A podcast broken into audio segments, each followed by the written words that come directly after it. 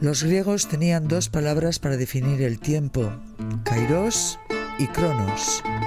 Cronos representa el tiempo cronológico. Kairos, lo que viene con él. Momentos importantes, en lugar de las infinitas posibilidades. Esto es Kairos y Cronos.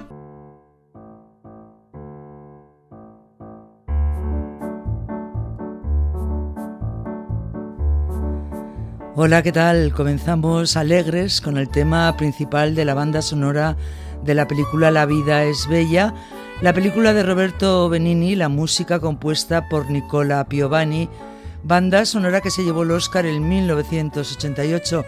Con ella damos la bienvenida a una gran mujer, vizcaína, de Guecho, su nombre Elvira Larrazabal Bengoechea. Igual no les dice nada este nombre, no la conocen, pero debería de ser un nombre bien conocido y reconocido. Golfista, pionera en este deporte y diría que en el deporte en general en Euskadi, campeona nacional entre los años 1952 y 1955. En el 58 se convirtió en la primera golfista profesional en España, aunque no pudo competir ya que no había otras golfistas profesionales. Y lo que hizo fue enseñar a jugar al golf. Para entonces ya estaba casada con José María Ortiz de Mendíbil, el conocido árbitro de fútbol, matrimonio del que nacieron dos chicos, Perú e Íñigo, y la pequeña Carmen. Con la llegada de Carmen lo dejó todo, nació con parálisis cerebral y Elvira se dedicó en cuerpo y alma a la niña. De todo esto hablamos con ella, también con Perú, Perú Ortiz de Mendíbil, su hijo mayor.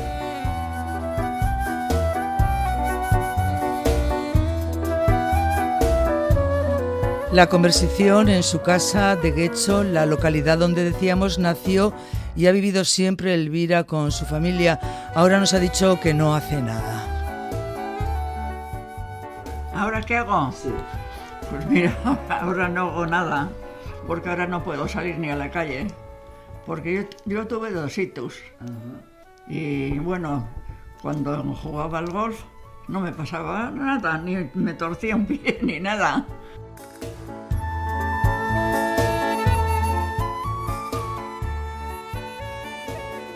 En realidad sigue siendo una mujer inquieta y con una gran vitalidad y bien dispuesta a hablarnos de su vida. Lo primero del golf, ligado a su padre Angelín, profesor del club de Neguri. Todo comenzó con los abuelos, con la casa en la que vivían, que lindaba con el club de golf. El abuelo era el jardinero del club y de otras impresionantes casas de Neguri de entonces, donde residía buena parte de la oligarquía vasca. Angelín, el padre de Elvira, el profesor, vio en ella muy buenas aptitudes y ella, por darle gusto a su padre, jugaba. Y vaya que si lo hacía, nunca perdió ni partidos ni campeonatos. Elvira Larrazábal imbatida.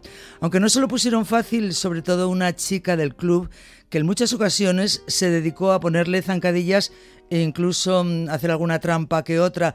Se trataba de un deporte bastante elitista, de familias adineradas de la zona, la élite, y ella solo era la hija de Angelín. Mi aita era profesor, ¿eh? Y entonces, claro, yo empecé a jugar con 16, años. Y entonces él veía en mí que podía hacer cualquier deporte. Y bueno, a mí no, no me atraía el, golf, pero dije, bueno, por darle un capricho voy a empezar a jugar. Porque claro, con esa edad lo que quieres es ir por, ir por ahí y estar con la cuadrilla. Y yo jugaba, es verdad, tenía unas ganas de que terminaría el, el, el juego para marcharme por ahí a, a, divertirme, porque claro, todo el día estaba jugando. A las 6 de la mañana, en, en verano, ya estaba jugando. Claro, oye, me acuerdo que pasaba uno con la cantimplorita al muelle, que era guarda. Y, cuando volvía a las 10 de la noche, volvía.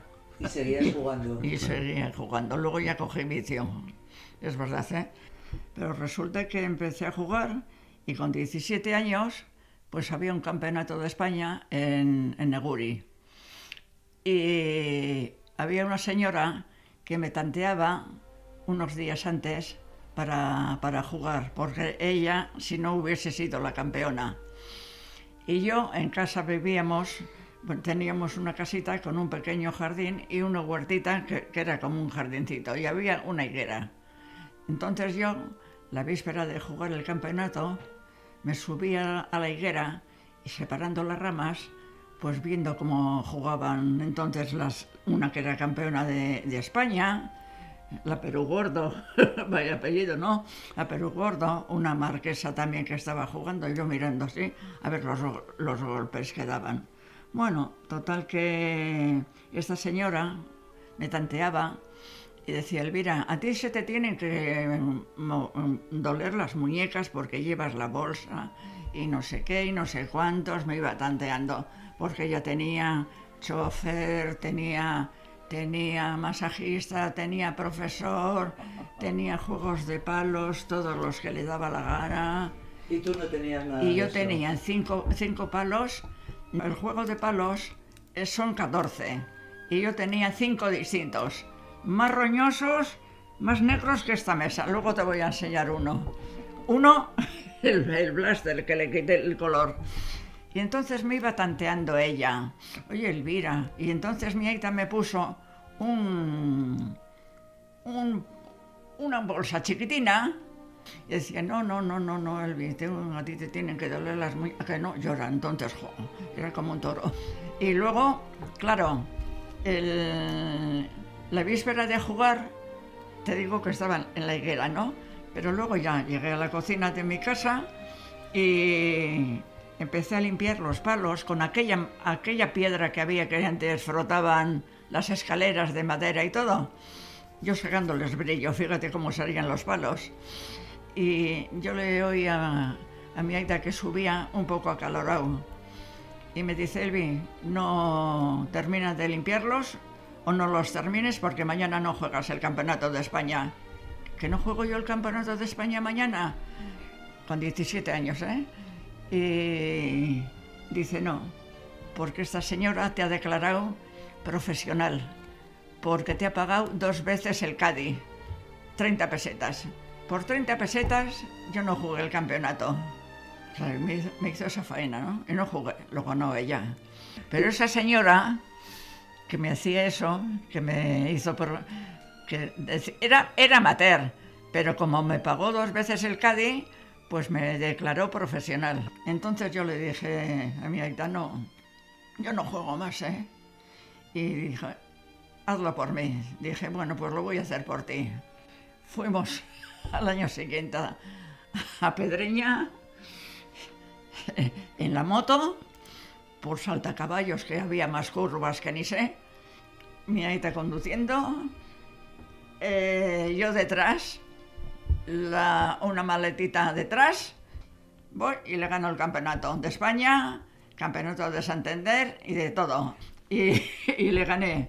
Voy al año siguiente y gano otra vez, y gano otra vez. Y todo lo que, todo lo que jugué, todo lo gané.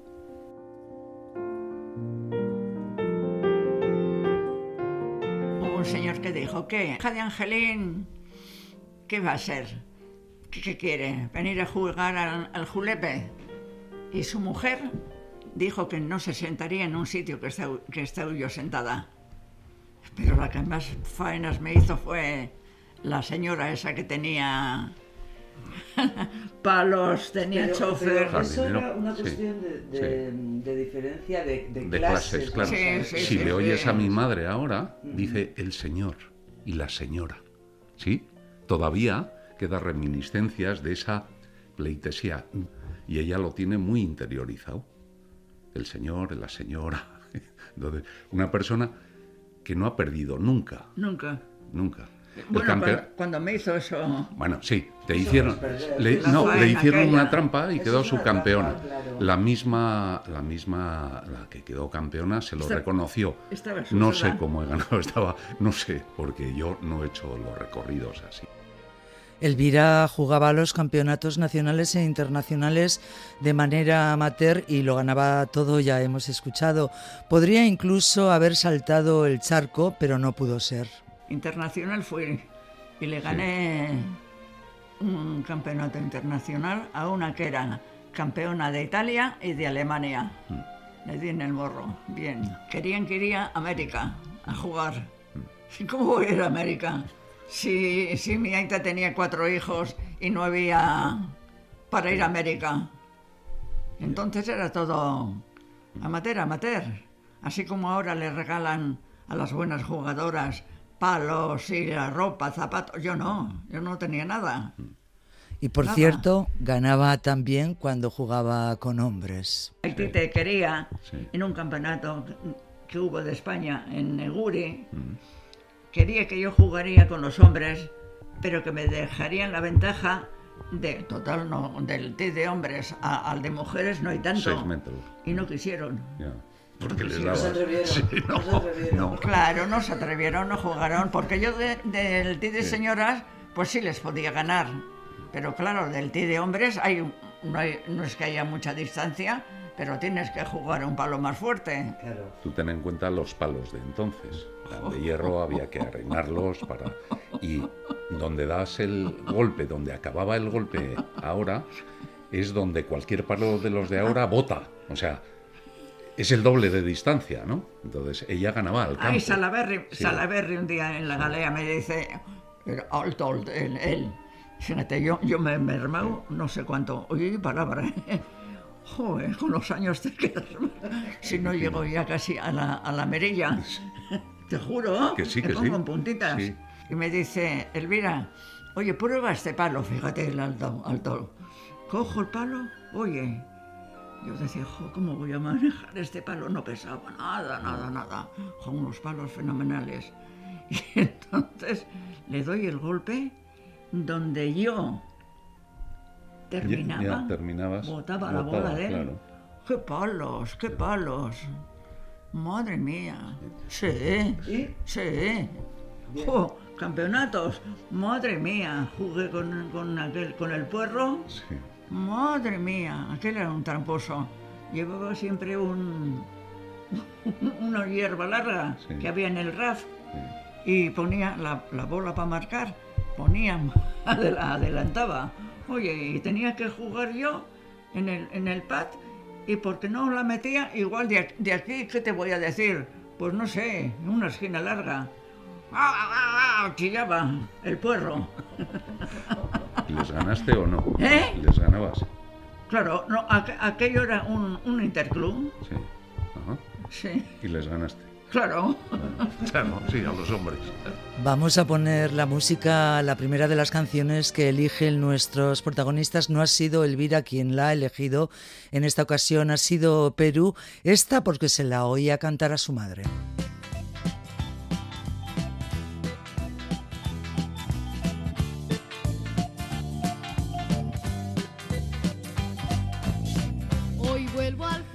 Por una cinta en el viejo roble, canción del trío de pop Los Mismos, activo en los años 60 y 70.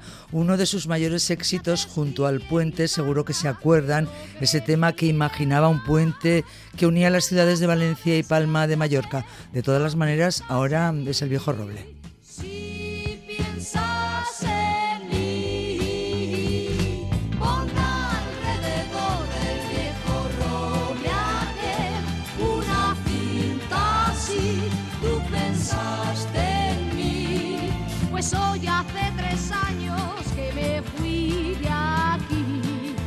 Temo mirar, pues el autobús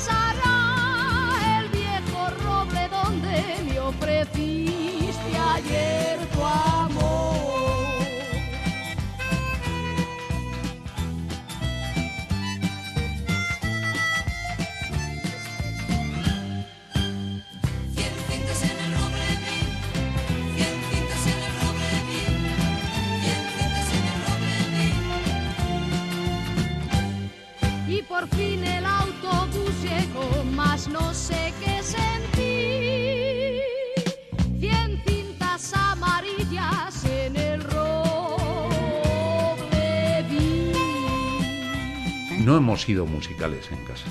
¿eh? Ha habido siempre tocadiscos y magnetófono, pero te dije de esa canción porque éramos chavales, ¿no? Entonces, en casa siempre por lo de mi hermana era... Yo he tenido la sensación, igual no es, ¿eh? pero tristeza, tristeza, tristeza, y eso, y con esa canción le oía cantar, y entonces por eso se me quedó, ¿no?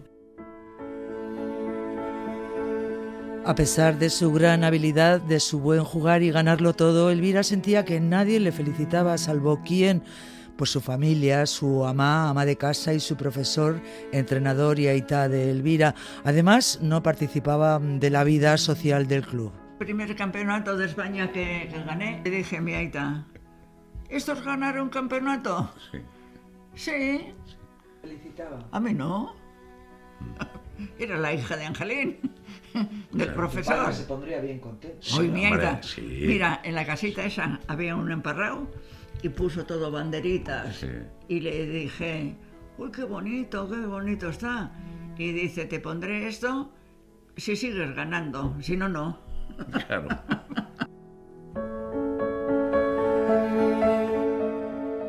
Oye, yo en el reparto de premios, lo único que he estado de casa, de casa Sí, al golf, sí, a coger la copa. sí. ¿Eh? Y luego para casa.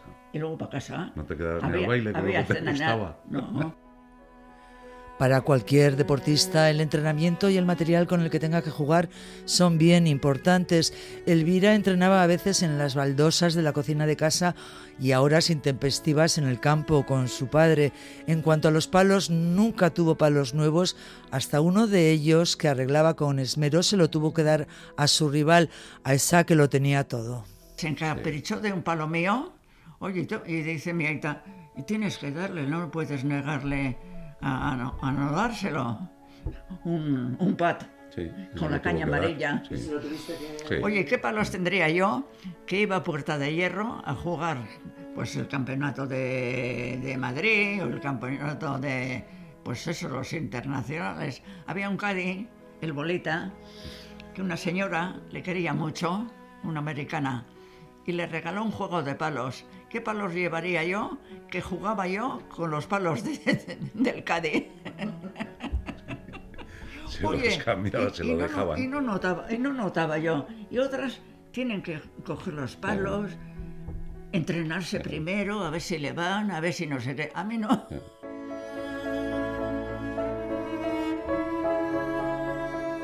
Como el green del 4 estaba al lado de mi casa y había un, un poste de aquellos de palo que tenían la bombilla como con un platillo. y yo me ponía a patear los cortitos, luego los largos, luego los largos cuando había más luz. ¿eh? Eso siendo amateur. que esa era tu manera de, entrenar. para Sí, sí, sí, sí. jugar. A mi madre le entrenaba eh, mi aitite enterrándole la bola en Ah, los bunkers. en la arena. Sí, y lloraba. me, claro, la, pero me la- luego- me la enterraba, solo me enterraba la bola Sí. y entonces de- le- me decía, cuando tú juegues, la bola te quedará flojita y así la sacas más fácil. Y luego me ponía delante de un árbol chiquitín así y tenía que pasar con la, la bola por encima del arbolito. Le decía yo, Aita, pero si no voy a caer en- detrás de un arbolito así, por si acaso. Y me entrenaba de distinta manera, a mí, ¿eh? Y claro, entonces la otra no podía verme y cambiaba de un sitio, de otro, de otro, de otro. La proximidad de la casa familiar al campo de golf de Neguri, las pelotas que caían prácticamente en su jardín, propiciaron que surgiera el gusto por el golf. Muchos en la familia lo han practicado y hay mucha emoción al hablar de esto. Tengo dos primos que son profesionales uno en la Galea y otro en, en la Bilbaína. Y la- toda la familia juega. Sí, fue porque, porque habíamos vivido, porque vivíamos allí, en, Sí, en sí. Novelas. Y entonces mi Aitite, cuando salió de la cárcel, es cuando empezó a... Así, primero estuvo en el cuarto de palos. Por eso. Y luego, como quedó segundo Sí. eh, en el campeonato de España, Sí, con el tío Marcelino. pues sí, con el tío Marcelino, pasó a profesional. Bueno, que esto, el tío Marcelino, es, me emociono y todo. Él murió con 96 años, Sí, ¿no? sí. Y mi Aitite con 49 para hacer 50 y eran íntimos amigos. Entonces él quedó primero y mi Aitite segundo. Empataron y, y Sí, desempataron, sí, sí, sí. Y entonces se les ve con la copa los dos, ¿no? Y este, para que veas cómo era el golf entonces, este hombre llegaba a ir a Filipinas para ganar 5.000 pesetas, para ganar 5.000 pesetas y se llevaba el pan desde Madrid. Y era, era tartamudo, pero lo disimulaba muy bien, ¿no? Entonces decía lo de lo de lo del pan, que estaba lo de duro, y le dábamos con lo del palo así para desmigarlo y poder lo de lo de comerlo, ¿no?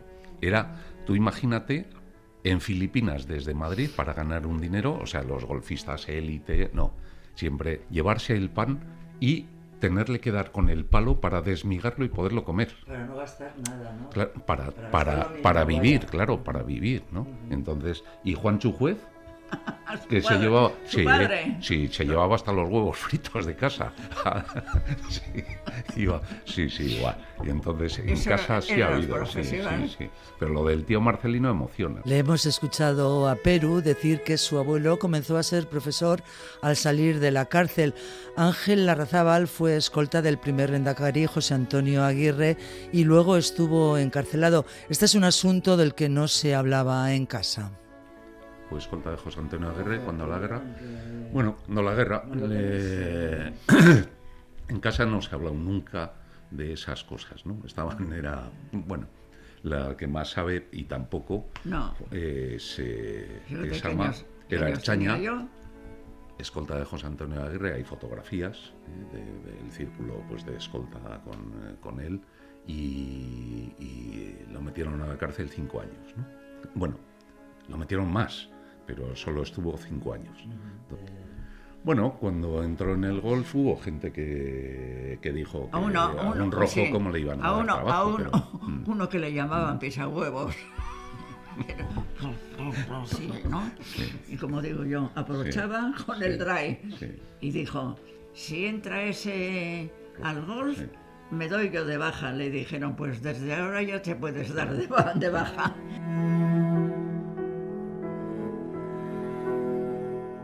Tú fíjate cómo estaría, estuvo en Puerto de Santa María cinco años y hay una carta que la tengo yo que pide un poco de harina.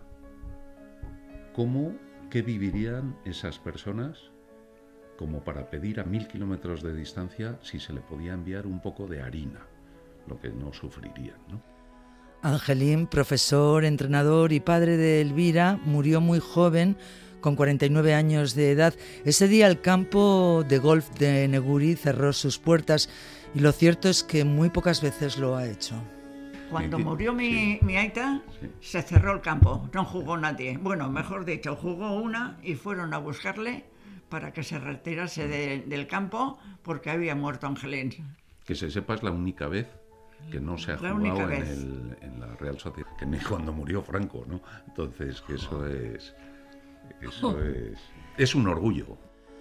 Para entonces Elvira ya era profesional y daba clases de golf. Perú ya había nacido y aunque lógicamente no se acuerda, él comenzó a dar sus primeros pasos en el campo de golf. Su madre pasaba mucho tiempo allí porque tenía muchos, muchos alumnos y alumnas y de todas las edades. Pero no, no. Pero, Me acuerdo de haberlo vivido allí en el golf. Vivíamos en... y, eh, y aprendiste a, hablar, a andar en el, sí, en el, en el green del 4. ¿no? Entonces, sí, que eso es el pisar. Ahora, eh, yo pedí, he tenido un nieto hace año y medio y, y tenía un capricho, que mi nieto ande en, el- en un green del golf. Entonces, porque no se puede entrar sin calzado de eso y quiero que ande descalzo como, como anduve yo y, lo tengo concedido.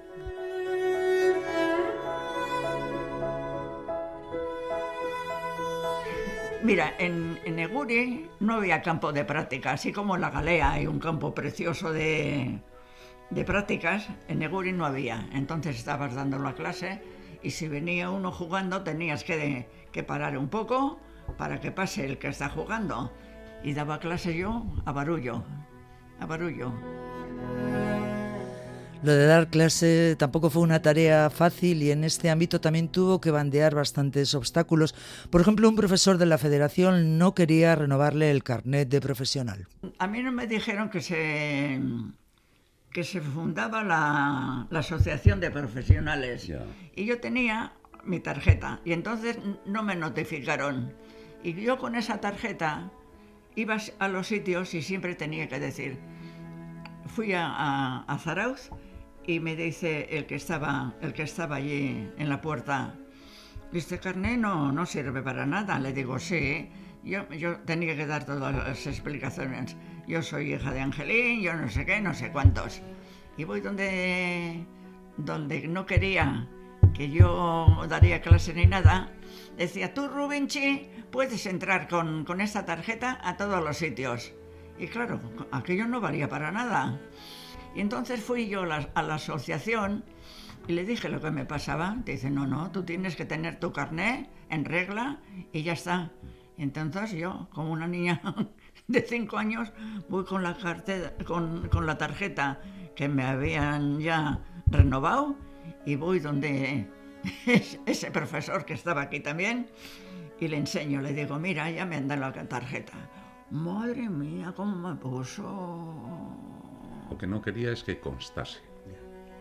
No, que no constase eh, como, como lo que ha sido, ¿no? Como una campeona imbatida, como, bueno, y como profesora, pues preferida en cualquiera que hables con los señores del golf, pues yo lo he oído, ¿eh? y lo puedes ver, está grabado, y la gente no finge cuando el aprecio que le tiene a mi madre, ¿no?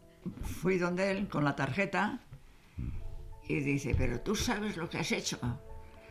A ti te va a costar 40.000 pesetas lo que has hecho. Y le salía la espuma. Y como tenía unos hijos que también él quería meterles para jugar al golf, pues le fastidié. algún obstáculo que otro en la faceta de, de, dar clases de golf. Y también hay anécdotas, por ejemplo, una con unas pelotas, un alumno y su padre. Era un tacañón, tenía una bolsita y tenía como 10 bolas o así. Y claro, el chico se ponía delante, como no había campo de, de prácticas, pues en el, en el, en el 10, en el 10. Y le decía yo, es que eh, se pierde el tiempo con el chico co- cogiendo 10 bolas, viajes y viajes y viajes y viajes. ¿Y por qué no compran unas bolas? Yo solía comprarle a los Cádiz, a los chicos, porque a veces los chicos las pisaban y entonces vendían las bolas y yo le, y yo le compraba las bolas. Y, estaban algunas, pues como digo yo, con una sonrisa, igual así una raja, ¿no? Y entonces mi aita, ¿qué hacía? Mm, Con una cerilla unía los dos cachos y los tapaba el cacho.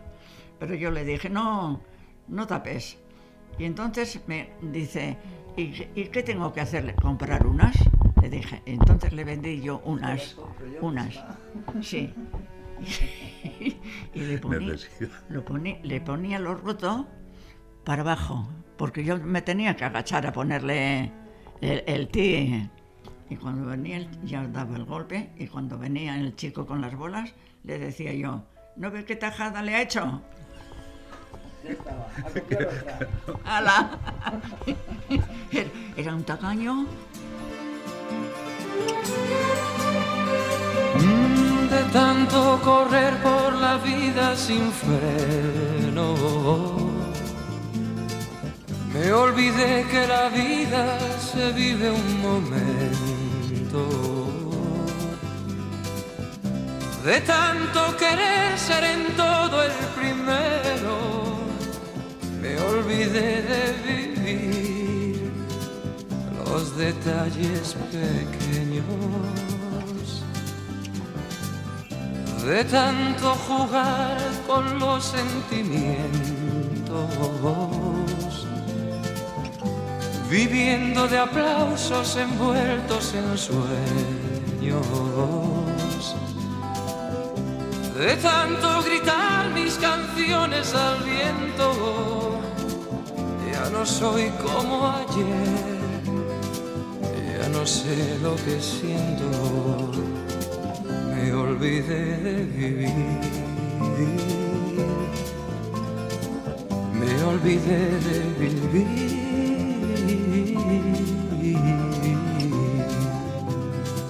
Me olvidé de vivir. Olvidé de vivir.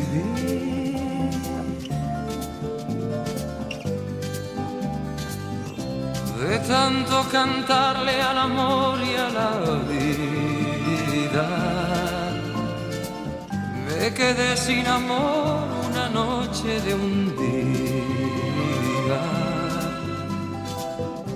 De tanto jugar con quien yo más quería, perdí sin querer lo mejor que tenía. De tanto ocultar la verdad con mentiras. Me engañé sin saber que era yo quien perdía.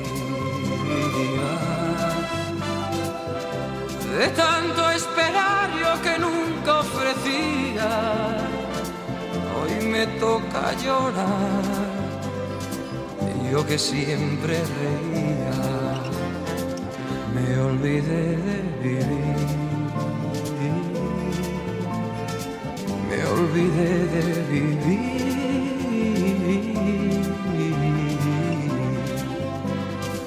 Me olvidé de vivir.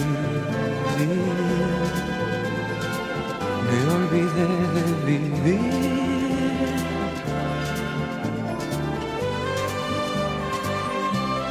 Tanto correr por ganar tiempo al tiempo.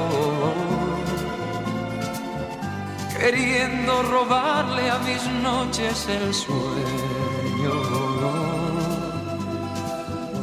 de tantos fracasos, de tantos intentos, por querer descubrir cada día algo nuevo. Tanto jugar con los sentimientos, viviendo de aplausos envueltos en sueños. De tanto gritar mis canciones al viento, ya no soy como ayer, ya no sé lo que siento, olvidé de vivir, me olvidé de vivir. Me olvidé de vivir, sí, pero más que nada por las connotaciones que tiene, ¿no? En el año Tú imagínate a las 6 de la mañana ya pateando y saliendo a, a Así hacer- pateaba. sí, a que nazca mi hermana el, el 2 de abril de 1965 y se te acabe todo.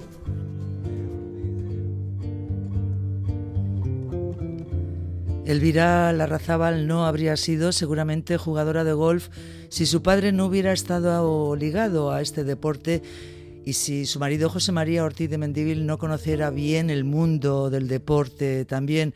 Elvira nos ha contado cómo se, cómo se conocieron y surgió ese flechazo. Estábamos en novenas en- y Aita estaba de juez de línea entonces.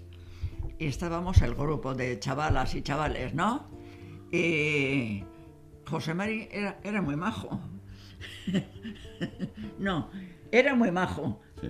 Qué majo sería que fui donde ama, donde mamá, y le dije, ama, he visto un chico que yo no sé si es hijo de un de un tío de Aita. Y dice, no, porque están fuera. Bueno, pues así, así quedó. Total que un día voy a Portugalete, oye, y veo uno y digo, ahí va la mar. Le digo a mi prima que iba con ella, oye, yo con ese tío tengo que estar esta tarde. Y viene, oye, así de frente y nos para. empezamos a hablar y no sé, yo tenía, yo tenía gallos. Eran de, de jugar, De jugar, de los palos, de los claro. palos, sí. Porque a los palos esos se le tenía que dar resina. y, nos para. Y nos para y me dice, ¿quieres ir a bailar? Le digo, sí. Digo, Dios mío. Hasta, hasta, hasta hoy, hasta que he muerto. Fíjate, con 21 años que me casé, daba, daba clases y Ortiz de Mendíbil, ya lo hemos dicho, fue durante muchos años árbitro internacional de fútbol de reconocido prestigio. Hacía en televisión, igual se acuerdan, el programa La Moviola y fue seguramente, ha sido el único árbitro que salió a hombros de un estadio después de arbitrar una final. Mi padre se hizo árbitro pues por una confusión. Le, le mandaron a un recao eh, al edificio donde estaba el colegio de árbitros, oyó así a llevar algo. Sí, a llevar algo, oyó que estaban hablando de fútbol y era el colegio de árbitros. Entonces entró, se quedó y, y empezó a arbitrar. Y empezó como los hermanos Marx, un, un día en las carreras, en las carreras. aquí al lado de, de Somorrostro. Y entonces, claro, tuvo que arbitrar muchos partidos. Y una cosa es lo que dice la ley y otra el aplicarlo. ¿eh? Y, eh, llegó pues a, a ser internacional y no creo que haya en el mundo otro árbitro con el palmarés de mi padre. En el año 68 y 69 todas las finales que se, se hicieron en el mundo las arbitró mi padre. ¿no? Mi padre arbitró el partido más duro de la historia, eh, un Brasil-Uruguay en un México 70, que era después del maracanazo. ¿Y cómo salió a hombros? Bueno, pues eh, en una final de la Copa de Europa entre un Milan y el Ajax, pues eh, arbitró, no dudó, pone en, los, en, en las hemerotecas, no dudé en pitar el penalti y tal, y, ganó el Milan y le sacaron, bueno, le levantaron a hombros las dos aficiones que saltaron al campo, ¿no? Allí no se sabía quién era y es una foto muy bonita que creo que no ha ocurrido nunca, nunca más. Cuando le preguntaron por el partido, bueno, pues él dio su opinión y cuando le preguntaron por las personas, dijo, hay uno flaco que va a ser muy bueno y era Johan Cruyff. O sea que fíjate, ya había perdido el partido, ¿no? Ortiz de Mendívil falleció en 2015 tras 62 años de vida junto a Elvira Larrazábal. La golfista y el árbitro, ya lo hemos dicho, tuvieron tres hijos. Perú, que está aquí con nosotras, fue jugador internacional de hockey sobre hielo y árbitro internacional también en este deporte. Íñigo, su hermano, igualmente jugador internacional de hockey y más tarde se dedicó al culturismo. Se hizo la pista de hielo de Nogaro y eh, fuimos allí. ¿Qué pasó? Pues para jugar al hockey tienes que tener unas habilidades especiales que yo no tenía. Entonces al principio, como servía cualquiera, pues yo jugué en el Nogaro y gracias a Dios, pues bueno, eh, fui una vez internacional contra Bulgaria y se acabó. ¿Cómo se podía sacar un durillo? Pues siendo árbitro. Entonces dijo, bueno, sí, aquí de jugador, ¿no? Vamos a hacerlo un poquito mejor siendo árbitro. Y entonces sí arbitraba partidos internacionales, pues eh, selecciones de Estados Unidos contra Canadá, contra los rusos, del Dinamo de, de Moscú, cosas de estas. Y, y, así siguió la universidad y todo eso, ¿no? Y ahí me quedé en, en árbitro. Y mi hermano, pues también hizo, hizo hockey sobre hielo. Uh -huh. Y estuvo jugando como profesional en Inglaterra. Y mi hermano no de genética bueno bueno no tiene la mía no yo yo soy el fuerte y mi hermano es el trabajado. Empezó a un gimnasio y eh, para echar cuerpo para jugar al hockey. En el hockey hay mucho contacto. Y le dio bueno después por el culturismo y es el, el mejor culturista que ha dado España no ha sido campeón del mundo campeón de Europa campeón iberoamericano. Uh -huh. o sea que a sus 62 años ahora tienes que verlo. Prometió que se iba a retirar cuando le naciese su nieta, que vive en Suecia, y le han hecho retirarse, pero con 60 años iba a concursar a Estados Unidos a profesionales, ¿eh? O sea, que, que no ¿Cómo es se cuida, eh? una zapatilla. Sí, sí, sí, sí. Madre mía. Y luego está Carmen, que es la campeona de la vida. Elvira y Perú no pueden hablar con más emoción de ella y con reivindicación incluida. Bien, Está bien. sí. Ella tiene un 94% de minusvalía. Pero... eh, Ahora, ¿la memoria la tiene? Yo pido un favor, que la gente les hable, pero que no les hable como si fuesen tontos, que no son tontos. No, eso no. Un cojo es paralítico de una pierna, ¿sí? Que ahora no sé, que me disculpen si el lenguaje no es políticamente correcto, pero no es tonto. Mi hermana es paralítica cerebral, o sea, tiene en una parte de su cerebro una parálisis, pero las otras no. O sea, entiende, aunque no se pueda comunicar. Yo sí le entiendo. ¿sí? Entonces, un- es una eh, minusvalía. Todos, todos los días hablo con ella. Sí, le digo, hoy, hoy en qué me vas a hablar? ¿En francés, en inglés o en chino? ¿En qué? Am- ama, ama. Y luego le digo, a ver, tienes que aprender una cosa. Le digo, ama. Y dice ella, ama, eh, quiero. Y le digo yo, esfuérzate un poco más. A ver, di otra vez. A ver, ama, ama, eh, quiero. Le digo, bueno, ahora ya está bien. Le digo, no. Sí, sí. Es que tiene 57 años, ha ido desde el mejor del mundo hasta brujas. Sí, sí, no desde brujas hasta el mejor del mundo, sino al revés. Y tiene 57 años, no sabe soplar. No. No sabe soplar, entonces no, no puede hablar. Se esfuerza, terrible. Y es constante, es más constante que Pi. Porque si quiere algo, se devana los sesos para intentar explicártelo. Sí. Y en ese momento eres tú el que tienes que entenderle, ¿no? El que eh, muchas veces tiramos la toalla. Bueno, sí, déjame en paz. Y no te deja en paz porque ya quiere comunicarte algo.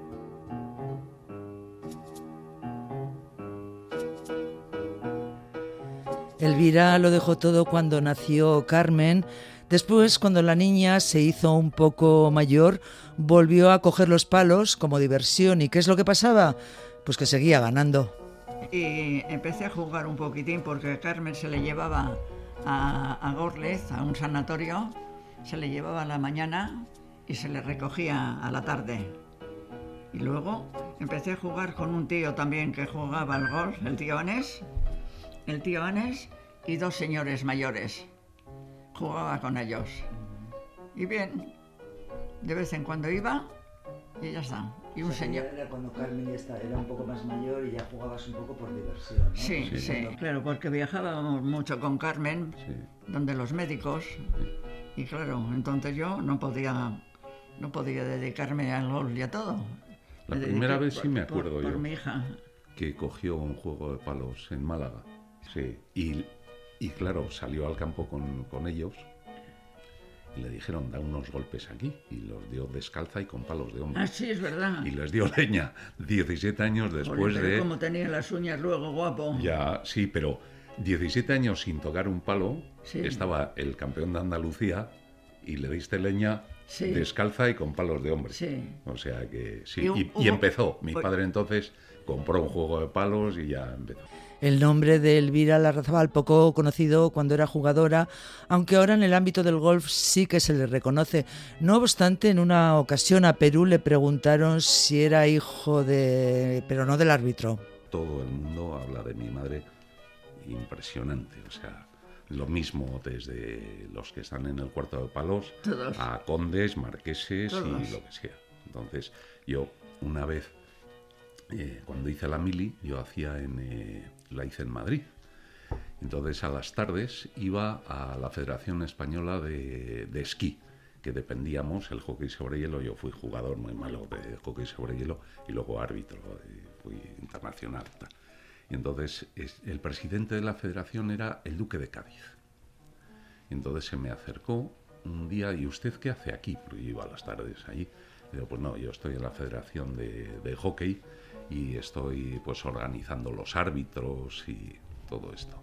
¿Y cómo se llama usted? Y le doy yo Perú Ortiz de Mendíbil. Dice, usted es... Ah, Perú Ortiz de Mendíbil Larrazábal, le dije los, los dos apellidos. Sí. Y dice, usted es hijo de... Y yo creía que me iba a decir de mi padre por la moviola, por todo eso. Y me dijo, usted es hijo de Elvira Larrazábal. Y yo me quedé asustado, ¿le conoce? Y dice, sí, porque estuvimos, estuviste en una cena con él, con Sí. Ataulfo de Orleans y Sí. esto, sí. Y es lo que me dijo él. Sí, sí, estuvimos en una cena con el príncipe Ataulfo de Orleans y no sí. sé qué, sí, sí. Y bueno, es de las pocas veces que al decirme eres hijo de, no me han dicho de mi padre, era de mi madre, claro, sí.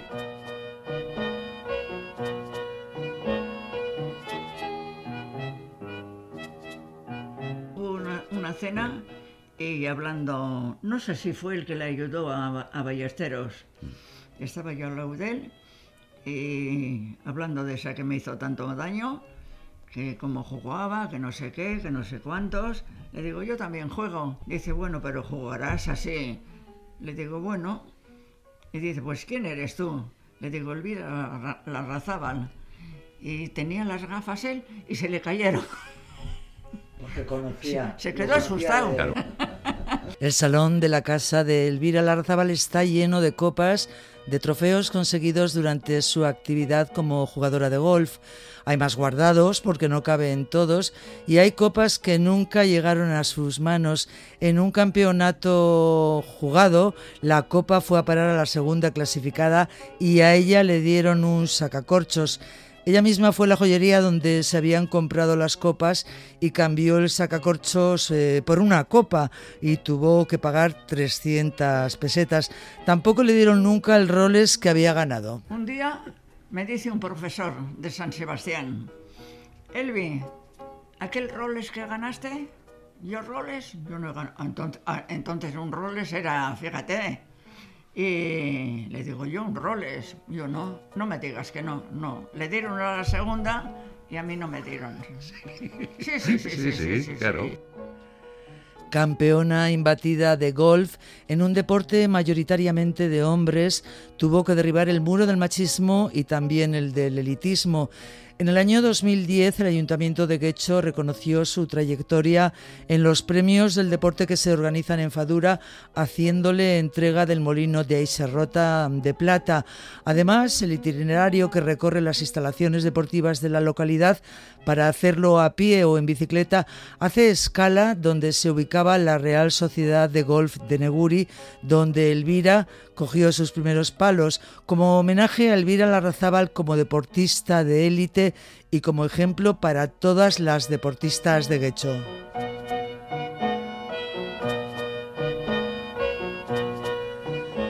Muchísimas gracias a Perú, jubilado ya de su trabajo, muy activo en su blog, que merece la pena. Buenos días es su nombre. Gracias por habernoslo puesto tan fácil el poder hablar con Elvira y por supuesto con él mismo.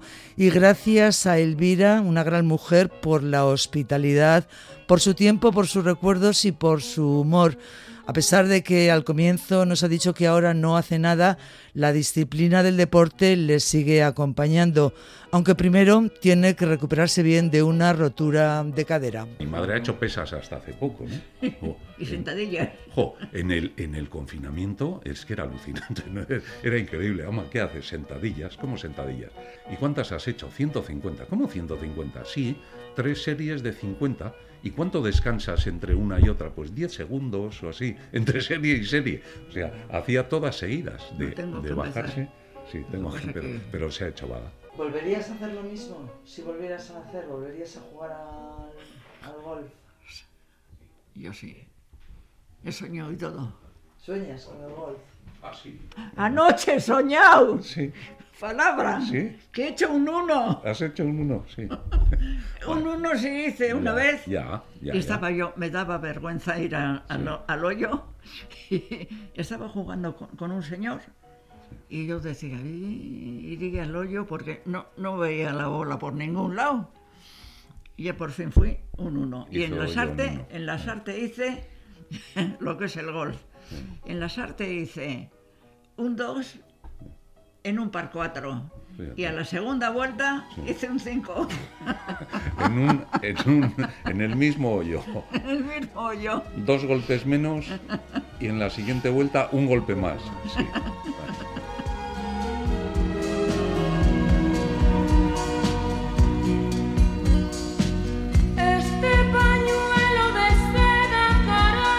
Acabamos con Rocío Jurado porque Perú nos ha dicho que a su madre le gustaba su voz. Lo dicho, Milla, Milla Esquera ha sido todo un placer.